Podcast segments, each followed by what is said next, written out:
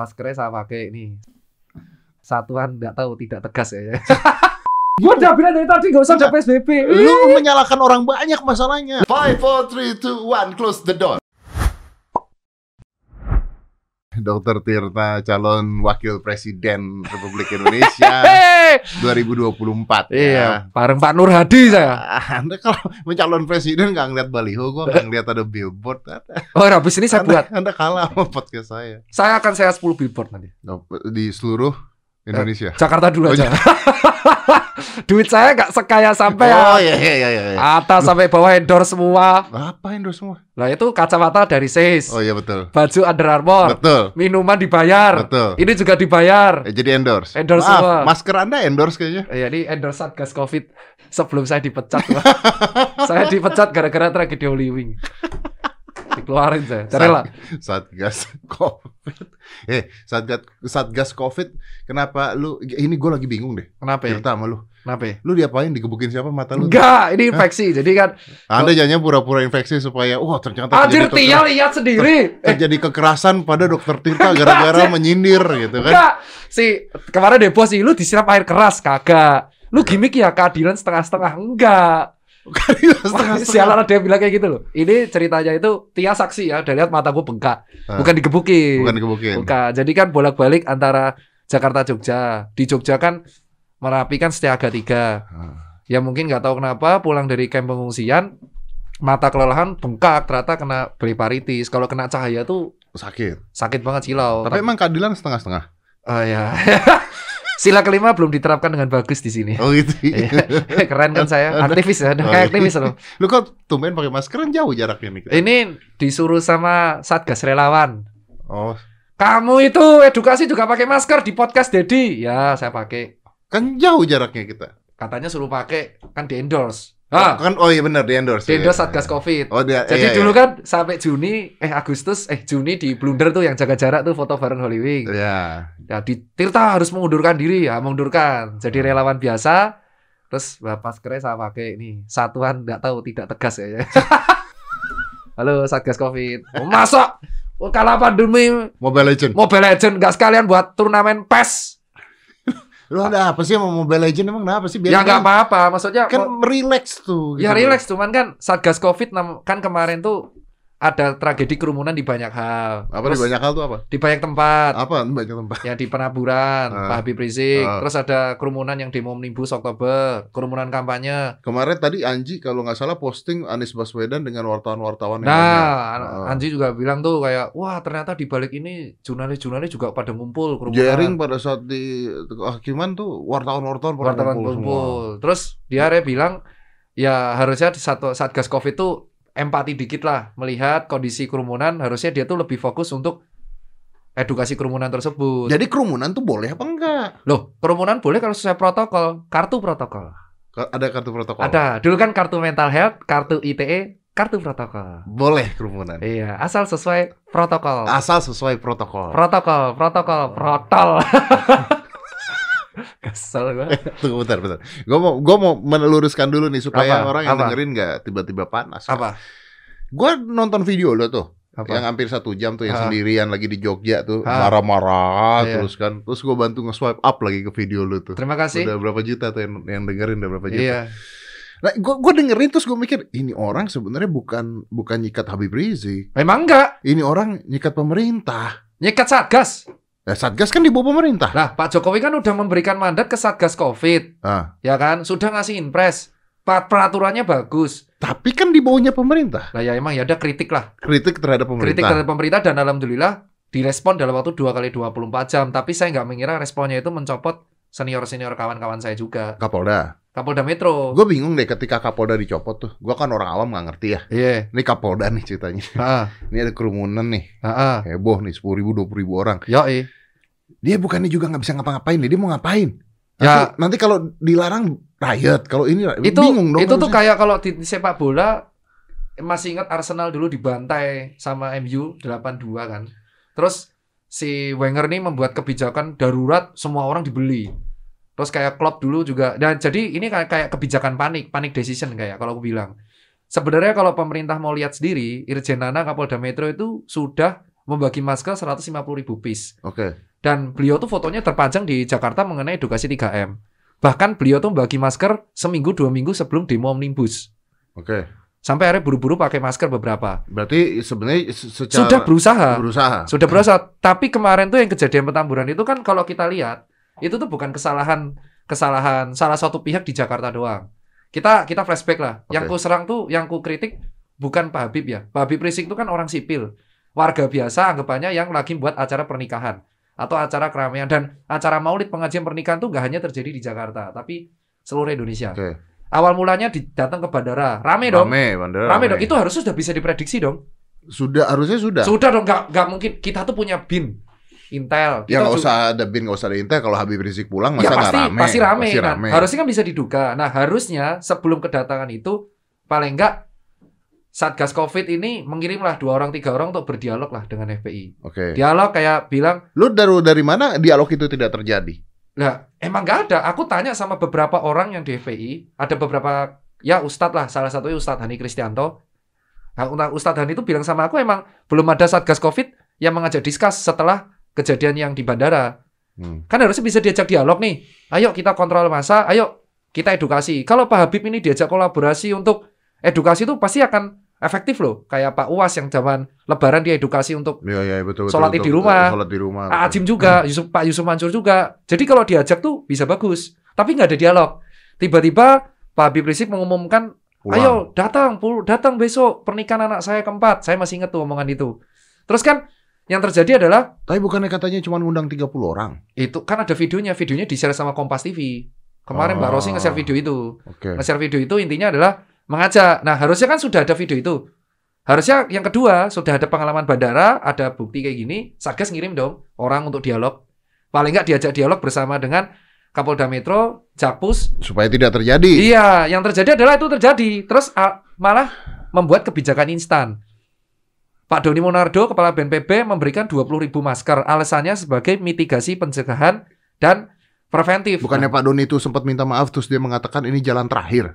Ya itu bukan jalan terakhir, jalan pertamanya itu dialog. Nah di sinilah saya ngeritik Pak Doni. Aku ngeritik langsung dan Pak Doni memang clear kan.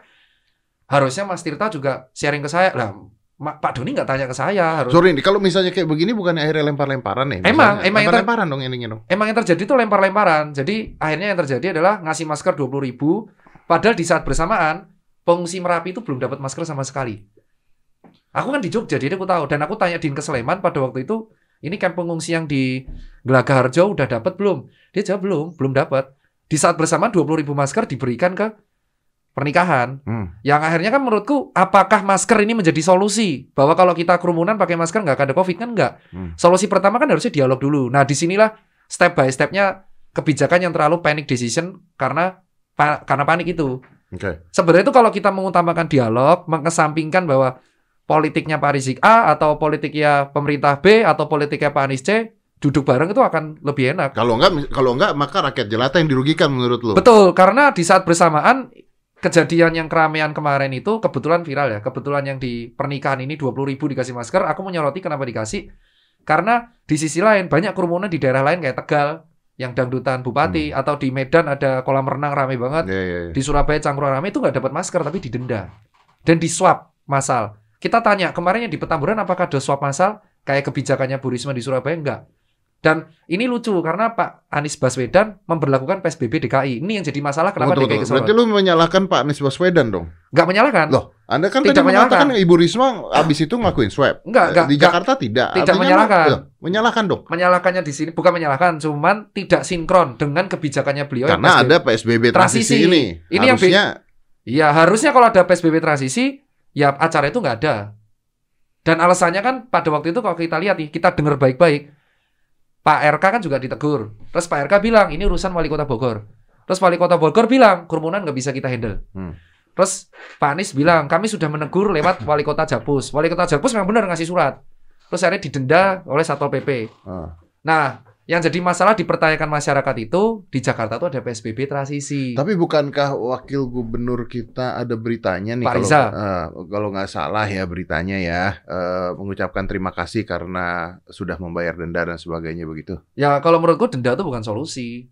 Kan yang ku harapin itu bukan denda. Yang kita relawan harapkan itu bukan denda. Karena kalau denda tuh kayak seolah-olah Masukin aja ke biaya acara. ya harusnya bukan denda. Ya kalau denda kan kalau kita tahu di denda doang berarti masukin aja ke biaya acara Iya, gitu kan. intinya. Baik acara kayak kesannya kayak wah nih kerumunan covid denda selesai. Enggak, masalahnya tuh sudahkah diajak dialog. Tapi kan Hmm. sekarang yang terjadi adalah Pak Anies dipanggil. Terus ini dipanggil. Pak Rizik dipanggil. Ya Hmm. yang tujuannya mau dipanggil tapi dialog aja. Apa sih susahnya duduk satu meja terus bilang lain kali jangan kayak gitu ya. Yuk edukasi bareng. Wes rampung lu. Gak usah diperpanjang. Tapi ini orang-orang dipanggil kan gara-gara lu juga. Ya itu kan panic decision. Jadi pengen terkesan karena mereka dikritik oleh rakyat karena kesannya standar ganda, Ah. pemilih standar ganda, maka mereka mencitrakannya defense mekanismenya adalah oh gue dipandang pemeri- rakyat standar ganda nih. Oke, gue tegas. Tegasnya dengan cara mencopot, mencopot, mencopot, mencopot. oke oke oke, gua gua ngerti di sana. Gua kemarin baca berita Pak Luhut mengatakan bahwa dia baru pulang dari Amerika saja isolasi diri 14 hari. Ya tapi nggak pakai masker ketemu Donald Trump. Maaf ya, Lor- eh, maaf ya Opung. Kan Donald Trump. Ya.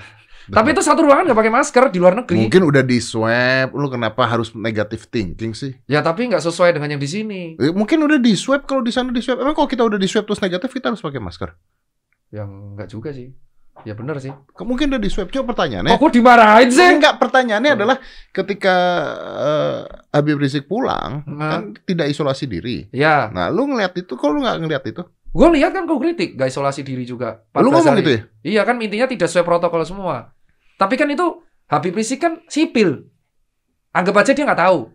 Berarti tugasnya siapa yang memastikan? Ya Satgas, Satgas. Covid. Nah makanya ditanya Satgasnya ngapain?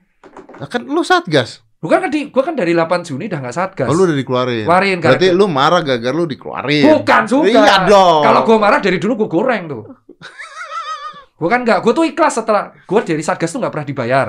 Setelah relawan nggak dibayar juga.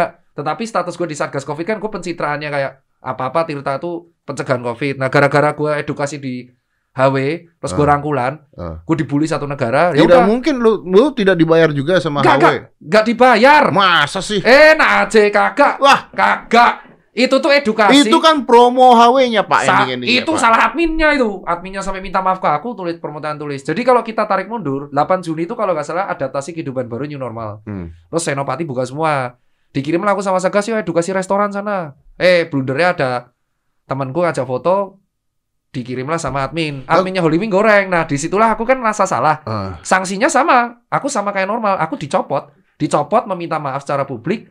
Ya wes rampung. Setelah itu aku sebagai relawan independen Ah. relawan independen dan ini masker aku dapetin Mei baru Oh. pakai sekarang Baru pakai sekarang. Eh, main enak nih logro sialan terus habis itu kan yang kita lihat adalah aku aja sudah pernah merasakan terus sahabatku dan mentorku Kapolda Metro Jaya Irjen Nana aja yang sudah bagi masker seratusan ribu piece kena juga yang kita harapkan di sini tuh Tapi lu udah ngap ini pakai masker karena Emang. lu harus ngomong-ngomong. ya emang Ah. tapi kan ini endorsan Satgas Covid Bangsat. logo. Jadi dari ya lu, ntar lu, lu lu doang yang dapat endorsan ini. Minimal gue lah endorsannya masker. Jadi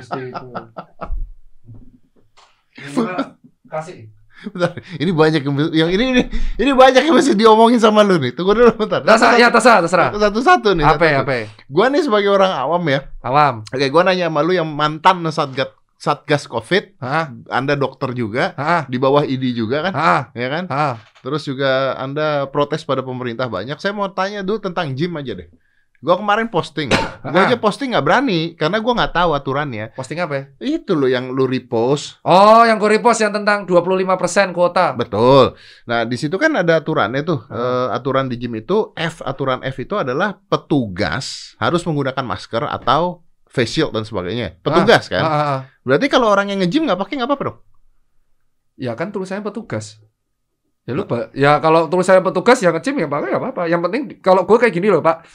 Tapi ada nggak aturan orang harus semuanya pakai? Kalau ada aturan orang harus pakai masker nanti ketika ke gym lah, Anda kan orang, Anda nggak pakai masker ya, salah lagi nanti. Kalau saranku sih yang pakai gym ya pakai masker aja udah, nggak usah pakai face shield. Masker satu face shield salah satu Pak. Kalau lu pakai masker, lu latihan hit, hit training dan sebagainya, lu coba deh. Kardio nggak bisa Pak. Nah makanya Kalau- kalau sekarang lu nge-gym lagi di treadmill pakai masker apa nggak mati orang? Ya makanya kalau nge-gym nggak pakai masker, yang penting kuota dibatasi. Nah, Terus setelah dipakai petugas gymnya harus mensterilisasi alat tersebut. Oke, kuota dibatasin. Kuota dibatasin. Berapa? 25%. Iya, sampai 50%. Sampai 50%. Ya, terus habis itu misalkan satu ada 25 alat dan Hmm. lu harus standby. Nih, nih, nih, masuk Iya. nih. Nih nih nih Nih. nih nih. Ini nih yang gua post kemarin nih. Jarak maksimal 25%. Pu- eh, pusat kebugaran Gua nih, fokusnya 25%. nomor D aja. Ya, gua fokusnya Nomor D. gua F dulu. Lu D ya, menerapkan SOP secara ketat pada area publik yang dipakai bersama-sama. Nah, ini cara SOP-nya kan tidak dijelaskan di sini. Ya. Nah, yang betul adalah SOP-nya karena gue udah mempraktekkan di Jogja. Ah, Satu A, ada lima atau enam petugas lo, ya dua lah, ah. yang emang membawa alat pembersih Udah, disinfektan. udah, udah, udah. Setiap dipakai itu harus dibersihkan. Udah. Ya wes sama. Nah, itu F. Petugas memakai masker, face shield dan sarung tangan. Iya. Petugas. Iya. Nah, kalau peserta olahraganya, Gak kalau ada tulisan member- ya wes toh. Ya, nanti kalau dibalikin lagi ya, tapi kan Anda keluar rumah pun harus pakai masker. Di mobil nggak pakai masker kena kemarin gimana ceritanya? Ya kan ini hit. Ya jadi gini, dokter spesialis kedokteran olahraga mengatakan kalau memang bisa olahraga pakai masker, pakai masker. Akan tetapi Ah. dari CDC bilang kalau membutuhkan effort lebih dari jantung, membutuhkan effort lebih dari paru-paru, yang memang itu bisa membuat aktivitas kita kebutuhan oksigen ekstrim dan karbon dioksida lain Ah. banyak, dicopot nggak apa-apa, asal sekitar itu nggak ada orang. Misal keruyuk-keruyuk tuh an- antri treadmill tuh, antri semua. Tidak mungkin toh. Nah, nggak mungkin maksudnya kayak gitu. Berarti boleh. Boleh. Nah, masker. setelah orang ini pakai yang di treadmill, misalkan dia kardio, ya kan, capek nih. Ya udah, si tidak pakai Mas. Nah, si petugas lu itu yang membersihkan. Membersihin lagi. Betul. Oke, oke, Itu. oke. Aktivitas indoor dengan pengaturan tempat duduk secara ketat, misalnya meeting, workshop, seminar, teater, bioskop, akad nikah, pemberkatan, upacara pernikahan. Ini mana sih yang akan nikah anjir? Oh itu loh. Oh ya nih ya. Ya Oh. mak lu mata kan cuma satu nih orang yang Oh, iya, betul. ngecek lu. Maksimal 25% kapasitas, jarak antar tempat duduk minimal satu setengah meter. Iya. Peserta dilarang berpindah-pindah tempat duduk. Ya. Alat makan minum ster- steril. Ah nomor D ini susah nih terapin ke Ya. Lapangan. Pelayanan makanan dilarang dalam bentuk prasmanan. Ya. Petugas pakai masker, face shield, dan sarung tangan. Ya. Nah, kan nggak mungkin tuh. Misalnya kemarin aja kita lihat wartawan aja ngumpul-ngumpul nggak ada jarak satu setengah meter. Iya. Waktu nikahan juga nggak ada jarak satu setengah meter. Iya. Berarti artinya PSBB sudah tidak ada. Lah makanya aku bilang. Makanya aku bilang bukan PSBB sudah nggak ada. Ap- apa tujuan dari PSBB tersebut? Paham nggak? Karena sekarang terlalu banyak yang melanggar. Kenapa terlalu banyak melanggar? Jadi gini, Om Deddy, kita bahas yang ojo di close tuh. Ini Tia tuh sensi sama saya gimana sih? Bukan lagi. Tia pamerin kita punya itu Tia. Apa? Pamerin kita punya. Tia MacBook Pro. Wah, gila. Oh dia pakai MacBook. Manajer aja pakai MacBook Pro. Oh iya dong. Endorse juga. Nah, jadi gini, nih, nih, nih, nih, nih, nih, nih, nih. Tia pamerin itu Tia. Ini yang buat pariwisata. TV Denki. Apa itu? TV gua mau sakti kan. Kenapa emang? Kan lu pernah lihat waktu itu. Nah, Woi, yang mana Anda mau yang mana? Nih, nih, nih, nih, nih. Lu pegang sendiri deh tuh. Mana caranya? eh, enggak, enggak steril. Nanti saya dimarahin Satgas Steril. Covid. Steril Tia di sini. cuci tangan. Cuci tangan kok. Ini caranya mencet Eh, itu itu itu. Lampunya yang paling atas sebelah kanan. Nah, nih, nih, nih. Ah, Ini yang buat adalah pariwisata bersama dengan Satgas Covid. oke. Nah, aktivitas indoor bla bla bla bla bla bla. Ini yang edukasi harusnya siapa? Satgas Covid. Sama Kemenparekraf. Iya. Lu udah merasa belum Kemenparekraf diedukasi? berarti Pak Wisnu. Tama. Nah, kemarin kan datang. Iya betul. Lu sudah merasa diedukasi belum sama tim Satgas Covid dan pariwisata Jim lu? Eh, ini keluar ini doang. Udah dirasa dipanggil belum? Belum lah. Dipanggil ke kayak asosiasi pengusaha kebugaran ini. Belum belum belum. belum. Nah, berarti yang salah siapa? Kalau ada Satpol PP razia, Satpol PP itu bertugas atas dasar apa surat tugasnya? Dari peraturan gubernur. Peraturan gubernur itu berdasarkan dari rekomendasi Satgas Covid. Nah, kalau kayak gini yang buat Satgas Covid, harusnya kan edukasi dulu. Berarti yang salah Satgas Covid. Lah makanya itu yang aku sasar dari awal. Lu ngapain selama 8 bulan? Cuma buat baliho 3M, buat turnamen Mobile Legend, buat webinar. Jadi kan nggak mungkin bisa ngedukasi semua orang, makanya Loh. dikeluarin lah begini di internet. Makanya bisa kok ngedukasi. Lu undang aja semua webinar protokol kesehatan yang benar mengenai pusat kebugaran. Masuk aja di webinar. Golkar aja bisa buat Zoom 35 ribu orang masuk muri. Partai aja bisa buat. Dia bisa kok ngundang semuanya terus diundang diedukasi. Karena kalau misalnya enggak kita jadi bingung gitu kan. Iya, harusnya Ya, tuh oke. diedukasi. Makanya negara ini itu di Satgas Covid kekurangan PR yang bagus. BNPB kurang jubir, Satgas Covid kurang jubir yang bagus. Jubir yang bagus tuh cuman Pak Yuri doang.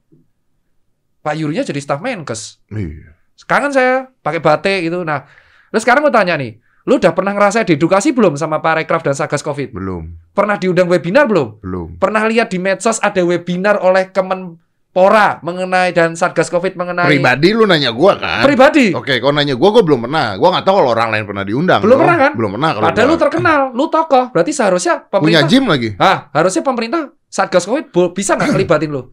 Nah, ini yang gue permasalahan dari awal. Kenapa apa-apa harus Kenapa apa-apa harus denda-denda? Kenapa? Terlalu banyak sekarang yang melanggar. Nih gue terakhir nih, ngajari dikit lah. Om-om tua gue ajarin. Tancuk, tancuk. Jadi, Ra- ini ngapain balik? Jadi Ra- Ra- kayak gini nih. Dalam sebuah jurnal, gue sama dokter Adam TV Prabata mahal lu ini. endorse paling. Iyalah. Apa yang di ruangan ini gak endorse? Itu ada ada foto Bill Gates. Oh, lu yang laporin sharing ternyata. Tancuk, gua di endorse Bill Gates. Bill Gates ada fotonya banyak di ruangan podcast Dedi. Ternyata Dedi itu adalah anti elit global untuk mengadu domba Indonesia. Mari kita report YouTube-nya. Jangan disensor yang ini. Enggak, enggak disensor. Nah, jadi kita bilang nih, Oke. di jurnal yang dikatakan oleh Dr. Adam, dia ada Dr. Adam nih alumni FKUI, angkatan sama aku, aku FKUGM. Dia mendapat beasiswa ke Jepang PhD. Hmm. Ternyata di jurnal yang dari Amerika Serikat itu masuk. Kenapa kok orang melakukan pembangunan sipil nggak patuh protokol? Ternyata alasannya adalah Lu ribet deh pakai masker. nggak mau gua nanti dimarahin yang endorse. Di endorse Satgas Covid. Di endorse saya, mantap kan? Nah terus pada waktu itu dikatakan ternyata karena rakyat ini mengalami krisis kepercayaan ke pemerintah. Anjir ribet banget. lu pakai masker. Ini kan gua contohin Udah betapa- mata habis digebukin orang.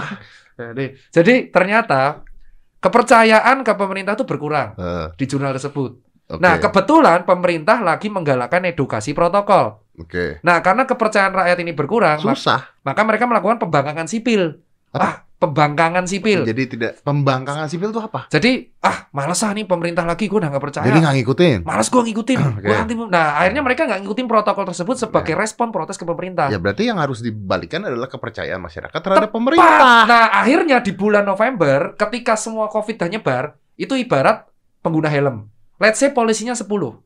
Yang nggak pakai helm 1000. Ah, nggak bisa ngapa-ngapain. Polisi kan bisa nangkap 10. Gimana 990 yang lain? Hmm. Nah, 990 lain ini ngom yang 10 ketangkep bilang, itu kok salah kok nggak ketangkep? Polisinya bilang, lah gue cuma 10. Nah, ini yang terjadi di COVID sekarang.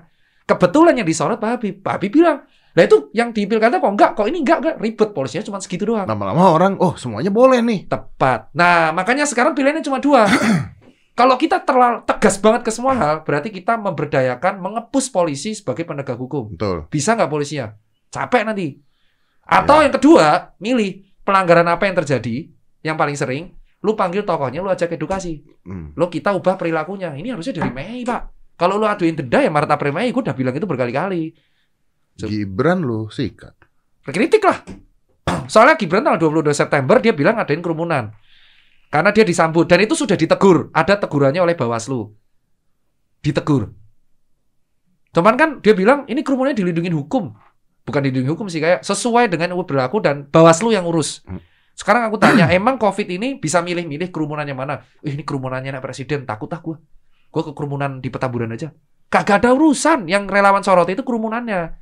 Kalau emang setiap kepala daerah tidak bisa mengontrol kerumunan kayak alasannya wali kota Bogor yang bilang kerumunan nggak bisa dikontrol ya udah nggak usah ada psbb tetapi lu libatinlah semua tokoh agama tokoh masyarakat artis gym lu ajak edukasi lewat webinar Lebih, lebih it- menurut lu itu lebih efektif lebih efektif lah tanpa ada hukuman, tanpa ada sanksi, tanpa ada semua semua itu. iya bisa sanksinya cuma tiga gue udah ngomong di twitter berkali-kali yang pertama lu suruh tokoh-tokoh terkenal yang melanggar ini bantuin kerja sosial relawan. Hmm. Jadi siap tokoh terkenal yang tokoh pejabat atau tokoh publik yang terbukti melanggar protokol, suruh kerja sosial dua minggu jadi relawan. Hmm. Relawan seneng, dia juga ngerti. Kedua, kalau ada orang terbukti buat kerumunan lebih dari jumlah disepakati dan tidak sesuai protokol, suruh aja dia membayar jumlah swab antigen untuk orang peserta tersebut. Yang terakhir, yang ketiga, suruh meminta maaf ke publik. Jadi kita berdayakan budaya minta maaf. Sehingga orang lain akan, oh itu orang minta maaf. Jadi orang akan mikir, anjir kalau gue ngelanggar gue akan disorot di publik. Gak usah nyapu-nyapu, gue udah bilang itu dari bulan Agustus. Kayak gue yang pas tragedi Holy Wing, gue disikat tujuh hari. Gue minta maaf kan klarifikasi ya. Terus kayak Bupati Ma- Tegal, juga minta maaf. Terus akhirnya yang di mana Wisma Atlet dangdutan klarifikasi juga kan akhirnya di ininya. Nah, ini yang menurutku budaya defense mechanism itu minta maaf dulu, terus kita bantu relawan Tapi kan nanti orang-orang bilang kalau gitu gue tinggal minta maaf aja, mendingan minta maaf daripada, daripada minta izin. Nah, emang itu yang terjadi sekarang karena terlalu banyak yang melanggar. Kenapa terlalu banyak yang melanggar? Karena trust isu pemerintah. Lu benerin lu ke- kecuali pemerintah bisa mem- membenahi trust isu mengenai Covid ini dalam waktu cepat dan singkat Nggak, lu kok berani banget, eh, lu berani banget eh, mengkritik, menyindir pemerintah. Satu, Habib Rizik sikat juga sama lu. Semua lu sikat, Satgas lu sikat, ya kan? Pak Doni Monardo lu sikat juga. Iya. Terus Ya. orang bilang, lu sok bener. Loh, gue pernah salah, gue disanksi kok. Gua bisa mengkritik, bukan menyikat. Kalau nyikat, Lu nggak takut lu nanti endingnya kayak Jering? Lah kan gue ngomong dalam artian relawan. Berarti kalau relawan boleh ngeritik gitu. Lah gue mengalami dan gue kata-katanya sopan. Kan Jering di, dijebloskan sama ID itu kan karena ID tersinggung gara-gara kata-kata kacung. Satu tahun dua bulan kan. Nah kalau gue kan, gue ngomong nggak jancok-jancok orang. Gue ngomong, gue nggak ke personal. Gue selalu ke tindakan. Siapa pun yang berbuat, mau itu rakyat jelata, mau itu Tirta, mau Om Deddy, mau itu Pak Habib Rizik, mau Pak Habib Lutfi, mau Pak Presiden, mau itu Gubernur, kalau dia salah soal kerumunan, ya wes minta maaf, selesai, panggil tokoh terkait, edukasi selesai, itu loh, dialog, kita amalkanlah sila keempat. Dok, sekarang kalau begini gini, Dok, kalau misalnya Habib Rizik membuat kerumunan, Ya, terus anak presiden ada yang membuat kerumunan. iya, Ini kan kalau misalnya kita anggap ini dua sisi yang berbeda ya, dua Iya. sosok yang berbeda ya. dan payung hukumnya kata polisi berbeda. Payung hukumnya oh, oh beda ya. Beda kalau yang satu kerumunan katanya itu kalau gua, gua bukan orang hukum tapi kalau gua baca-baca yang satu dilindungi yang satu tuh berdasarkan kampanye karena Bawaslu urusannya Bawaslu kalau yang satunya urusan Berarti kalau kampanye boleh gitu. Nah, ini yang dipertanyakan oleh rakyat. Kampanye di Pekalongan kemarin pakai ranking treng teng teng itu yang gua angkat di LC. Itu di Klaten nama Pekalongan. Dan akhirnya setelah Klaten tuh viral, Klaten ti- bednya penuh nyaris penuh. Yang gue pertanyakan tuh itu, kita nggak bahas kerumunan ini karena apa? Siapa pun yang buat kerumunan, mau itu karena kampanye, mau itu karena tokoh agama, mau itu karena artis atau gathering atau musik, ya kalau salah wajib diberikan hal yang sama. Nah, sanksi. daripada ribet-ribet udah PSBB nggak usah aja. Lah makanya itu yang gua omongin puter-puter nih Pak, puter. Bukan muter-muter. Anda dari tadi kenapa lu nggak langsung aja lurus Gua Udah, nggak udah usah. PSBB, nggak usah PSBB gitu. Gue udah bilang dari tadi gak usah ada Enggak. PSBB. Lu menyalahkan orang banyak masalahnya. Lah, gua udah bilang- salah, itu salah, itu salah. Kenapa nggak? Udah nggak usah PSBB, nggak usah. Gua udah bilang nggak usah ada PSBB. Nggak usah ada PSBB.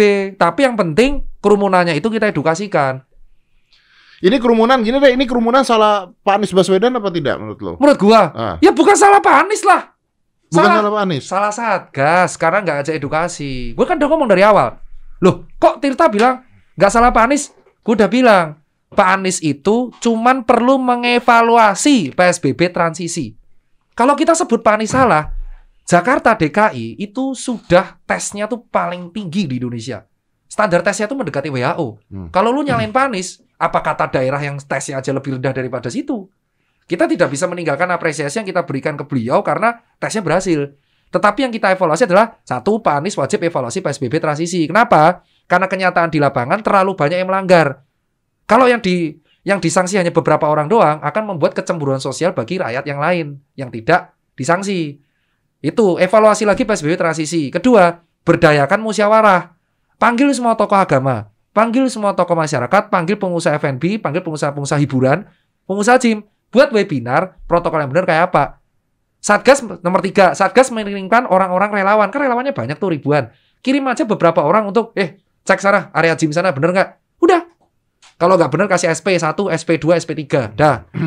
Yang keempat adalah semua orang itu Oh, harus fokus. Yang dilawan itu bukan tokohnya, bukan politiknya, tetapi Perilaku. perilaku. Gua ngerti, gua ngerti, gua Ah. ngerti. Karena kalau sekarang misalnya tempat gym gua rame, tiba-tiba ada orang datang, satgas marah-marah, gua akan bilang lah, lu nggak salah marah-marah tempat gue. Tuh. Itu tempat itu rame tuh. Nah, itu boleh. tuh. bener. Ini buat sehat nih. Nah, Kenapa lu ribut gitu nah kan, itu itu yang kan. jadi masalah. Terus ditanya, lu tuh nggak pernah edukasi gua, kok lu tiba-tiba datang marah-marah? Udah, udah nggak bisa jawab satgas ya. Kenapa? Karena men- satgas itu metode komunikasinya dari Maret sampai sekarang. Apa metode komunikasinya? Satu arah, Pak. Satu lewat TV, jumpa pers BNPB. Kedua lewat baliho, ketiga lewat Instagram, keempat lewat SMS. Satgas tuh jarang mengadakan dialog dengan tokoh-tokoh terkait. Kecuali diprotes Kenapa, duluan. kenapa nggak mau?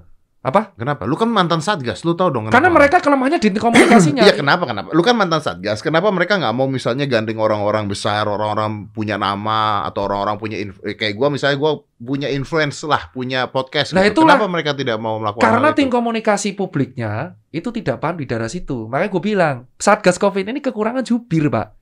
Jubir yang memang paham mengenai PR, manajemen krisis, komunikasi manajemen krisisnya mereka tuh kurang. Yang paling bagus tuh KSP. FPI aja punya jubir loh. MUI punya jubir loh.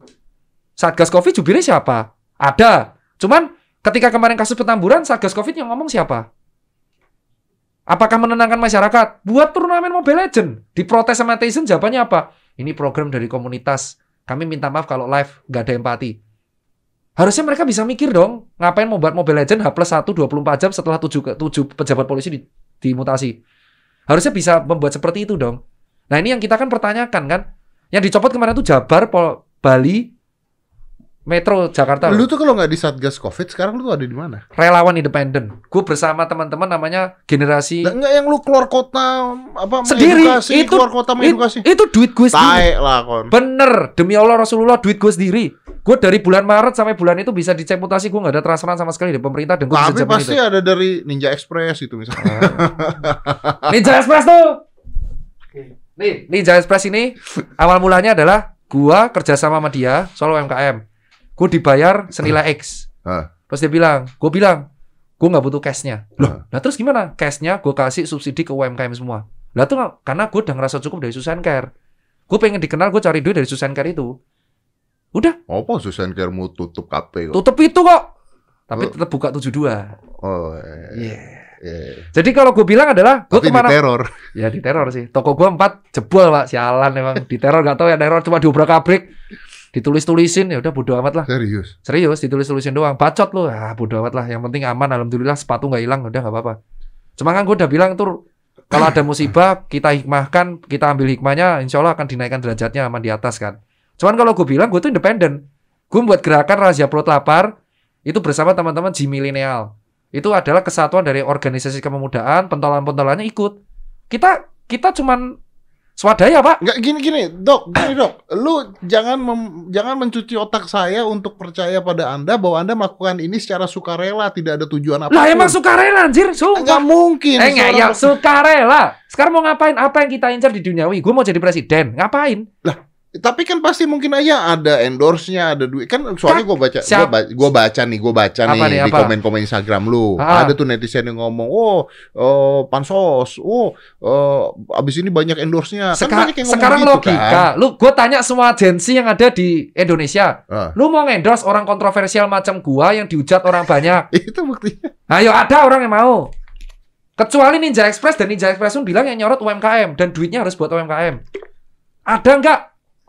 Kalau lu agensi, lu bisa jawab, apakah Dr. Tirtani menjadi top KOL untuk di-endorse? Brand takut, Pak. Saksi ada sebuah aplikasi ojek online direkomendasikan gua nih. Dia mereka bilang, gua nggak mau kalau Dr. Tirta, terlalu riskan untuk brand gua. Toko gua aja di kayak gituin. Makanya gue bilang akan nggak relate kalau gue dituduh mendapatkan endorsement dari situ. Karena di posisi lu akan sangat mudah untuk kepleset. Tepat sebenarnya. sekali kalau gue kepleset kayak Dragi Dolywing, gue akan merugikan brand yang gue bawa semua. Gue tanya semua agensi deh, banyak tuh Getcraft, kan akrab juga sama gue. Getcraft, makna kreatif. Tanya sama Ernanda. Coba kalau ada Dr. Tirta nih, impression tinggi 1,9 M, follower, mau nggak ngendos Tirta? Brand nolak pasti. Walaupun impression tinggi ya. Mau, karena mereka yang lihat tuh bukan followernya, bukan impresinya. Itu orang bikin masalah anjay kemarin juga banyak buktinya endorse. Mana sih? Apa ya? Lah gua, oh Lutfi. Lutfi. Gue nggak tahu kalau itu. Yang jelas orang kalau main endorse gue tuh mikir sampai seribu kali. Nah terus itu brand lokal gratis itu pak. Terus lu dapat duit dari mana? Baik kon. Serius? Lu tanya bisa sama semua sepatu lokal tuh kayak Sabah, Ventela, Campes itu nggak bayar. Nggak bayar. Datang gua terus gue review. Datang gua gue review. Tapi gini loh dok, lu tuh sat- salah satu orang atau satu-satunya orang juga yang masih sekarang berani. Udah makanya tuh mas keren. Dedos Satgas. Kalau nggak Dedos gue copot nih. Lu Satgas. Satgas! Standar ganda! Dah. Standar ganda guys! Satgas. Anda jangan ngomong gitu dong. Kenapa? Itu tidak ada buktinya kan. Oh ada buktinya. Menurut Anda kan? Ada buktinya. Menurut Anda kan standar ganda itu Enggak, itu menurut relawan-relawan. Eh, udah baca berita belum? apa? Relawan mau ngembalikin ID card Mana semua. Belum kan? Cari Nah, ya. lo lihat, coba cek gosip Nah, ini. Kalau Satgas- relawan mau mengembalikan ID card, ini Enggak ada salah relawan. salah Anda. Anda manas-manasin masalah Tidak, ini. Satgas relawan ngomong mau ngembaliin ID card gara-gara mereka kecewa BNPB lebih memberikan masker 20 ribu ke nikahan. Ada, silakan tanya ke ketua Satgas relawan Bang Andri Rahardian. Gue dapat gosip itu langsung dari relawannya. Sampai gue dapat berita acaranya, undangannya kembaliin kapan? Mau jumpa pers kalau nggak hari ini besok. Itu udah kon panas pak, gitu loh. Bedakan Satgas Covid dan Satgas relawan ya. Satgas relawan tuh kantornya di Media Hotel dan Media Tower. Kalau Satgas Covid kantornya BNPB. Jadi yang lu sikat BNPB. Ya BNPB dan Satgas Covid. Pak Doni Monardo pun mengakui untuk yang mengak yang 20 ribu masker tuh mitigasi, tetapi emang benar harusnya dialog dulu. Akhirnya Pak Pak Doni mau terbuka. Berarti kan kita salahkan ke jubirnya. Siapa jubirnya Satgas Covid? Tim komunikasi publiknya gimana? Harus dipertanyakan tugasnya. Anggarannya ke mana? Triliunan loh, bos. Kita tuh Covid mau enif nih, setahun. Coba orang Indonesia refleksi dari bulan Maret, dari se- Desember 2019 ketika COVID-19 ditemukan, sampai sekarang mau Desember 2020. Perkembangan apa yang ada di Indonesia?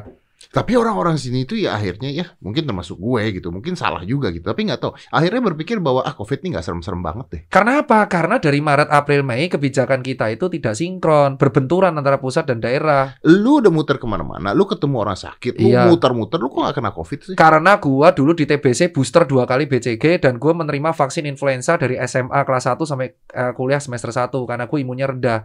Ternyata setelah penelitian vaksin influenza gua dan booster BCG itu yang meningkatkan imunitas di untuk melawan COVID itu, yang adik-adik itu. Berarti orang kalau gitu bisa dong vak- eh, vaksin influenza. Nah, emang benar vaksin influenza itu mungkin bisa ya, tapi belum ada penelitiannya untuk membuat eh, imun kita tuh lebih adaptif. Tuh lihat. Tuh atas tuh. Atas. Banyak relawan mengundurkan diri pasca peristiwa kerumunan masa pendukung Rizik Sihab. Tuh. Ketua Satgas Penanganan COVID-19 yang juga Kepala Badan Nasional Penanggulangan Bencana BNPB, Doni Monardo, tak mempermasalahkan pengunduran diri relawan tersebut. Tuh. Tidak masalah tuh. Ya itu. Jawab. Dah, banyak kan? Banyak yang mundur. Inilah akibat dominonya. Lucu kan? Nah, ini. Gimana maksudnya gini loh, Pak Jokowi itu kan presiden ya. Dia punya pembantu namanya menteri-menteri, ada watimpres, ada kawan-kawan. Pak Jokowi membentuk Satgas Covid.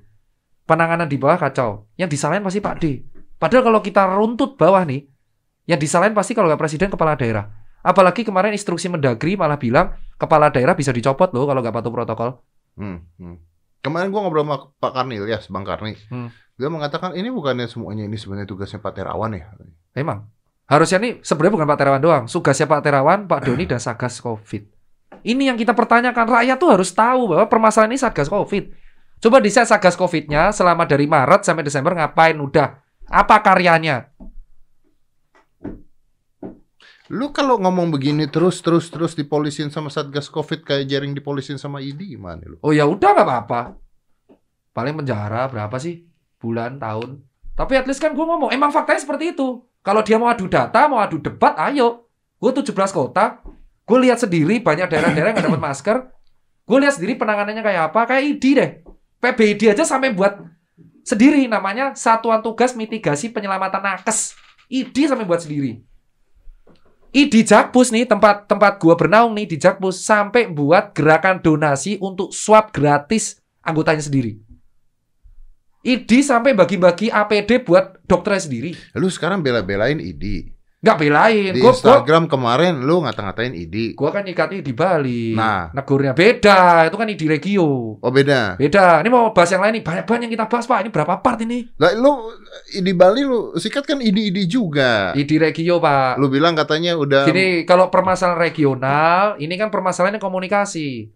Jadi di awal nih, kita kita ambil yang jaring nih, ambil yang jaring nih ya. Hmm, hmm. Konotas pada waktu itu kasusnya adalah 8 Agustus 2020. Gue masih ingat. Gue dapat surat tugas dari Satgas Relawan dikirim ke Bali. Untuk edukasi COVID mengcounter narasi kons konstipasi lagi. Mengan- Konspirasi. mengatur kons- narasi konspirasinya jaring. mengatur. Mengatur. Jadi tugas gue tuh ada surat tugas yang udah gue udah foto dan gue upload. Gue tugasnya tuh mau counter narasi medsos. Tiba-tiba Jering nelpon. Gue dipolisikan sama teman-teman lu anjing bla bla bla bla. bla." Lah, serius lu, serius. Ya udah gue ke Bali. Gua ketemu sama ketua ID Bali, namanya Pak Dr. Igede Suteja. Hmm. Ketemulah kita di ketua ID Bali. Di ruangan tuh ID Bali ada Dr. Kio, ada Sekjen, ada yang laporin juga di sana. Di situ bilang, ketua ID Tabanan mengatakan lebih baik somasi dulu. Kalau nggak mau minta maaf baru kita litigasi. Oke. Nah, Pak Bener, Gede, bener Pak, bener, Pak Gede bilang, Mas Tirta nggak usah ikut campur soal hukum. Ini urusan saya dan polisi dan pengadilan. Ya udah, saya sudah dapat rekomendasi dari ID pusat. Dia bilang kayak gitu. Nah nanti ini kita bahas ya. Oke. Kita harus eh, dapat rekomendasi di pusat. Oh ya udah, biarkan pengadilan yang memutuskan Jering bersalah apa enggak karena kata Pak Gede ucapan Jering itu dianggap melukai perasaan semua teman-teman ID. Terus saya Hmm. bilang, saya nggak tersinggung sih Pak. Ya udah nggak apa-apa, yang penting Mas Tirta fokus aja medsos, gak usah ikut campur urusan kami. Ya wes toh. Tapi Pak Teja, saya minta kalau bisa keluarganya Jering, saya nggak mau ketemu Jering. Ya udah, paling nggak keluarganya Jering diajak dialog. Kan Pak Teja apa nggak lega kalau Jering minta maaf di depan sampean. Nah, ternyata perjalanan sidang Pak Gede Suteja ini mengatakan dia tidak ingin niat memenjarakan. Kontradiktif dengan yang kita temui kemarin, yang saya ketemu bareng-bareng. Emang dia mendapat dukungan rekomendasi dari di pusat, perwakilannya dia yang laporin. Kalau nggak niat memenjarakan, harusnya kan somasi dulu. Berarti ini di pusat juga dong. ID pusat hanya ngasih rekomendasi dan ID pusat mengatakan harusnya Pak Teja ini bener-bener loh Dokter Adib mengatakan ke saya harusnya Pak Teja juga silaturahim atau menerima silaturahmi dari istrinya Jering. Dokter Adib mengatakan di podcast gua bahwa kita tidak mau menjarain Jerry. Itu yang jadi masalah. Berarti kan sudah terbukti bahwa Pak Teja ini menutup pintu untuk minta maafnya Jering dan Nora. Hmm. Bahkan yang membujuki di pusat pun ada bukti chatnya. Emang mereka tersinggungnya setengah mati dan tersinggung tuh relatif. Gue nggak bisa bilang Pak Teja, oh ya lu gak usah tersinggung Pak, nggak bisa. Oke. Jadi ini ini yang di balik kayak gitu. Jadi makanya yang gua harap tuh cuma satu. Ini pelajaran buat dua belah pihak. Pelajaran buat teman-teman dokter adalah pahami hukumnya. Alangkah lebih baik kalau kita somasi dulu ke orang, membuat orang itu minta maaf. Setelah itu kita pikirkan mau litigasi apa enggak, mau keadilan apa enggak. Nah, buat pihaknya yang jaring, ini pelajaran berharga. Kalau kita lagi emosional, kalau kita ngomong, kalau kita kepleset salah ngomong, bisa jadi kita dima- dilaporkan oleh orang-orang yang tersinggung dengan ucapan kita karena Oke. tersinggung relatif. Gua ngerti. Sekarang Paham gua sekarang gua ada di dua sisi ya. Gua coba ada di dua sisi ya. Siap, siap. Gua nggak mau belain jaringnya nih sekarang. Siap. Sekarang gua akan uh, fight uh, jaringnya ya. Oke. Eh, kecewanya adalah jaring itu kan kalau di Instagram dan di mana-mana kalau ngomong wah luar biasa kan. Ya. Oh, emosi emosi emosi. Ket- Ketika terjadi persidangan, jaring ini terlihat lemes endingnya. Bahwa ya udahlah, gua minta maaf, ya udahlah Instagram gua kasih, ya udahlah gua nggak main Instagram lagi.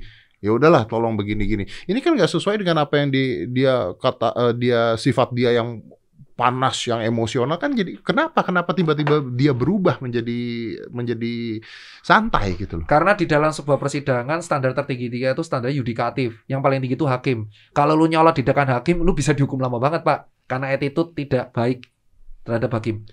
Jaring itu bisa dipenjara 1 2 tahun 2 bulan karena faktor resiko utamanya adalah dia sempat WO di sidang pertama.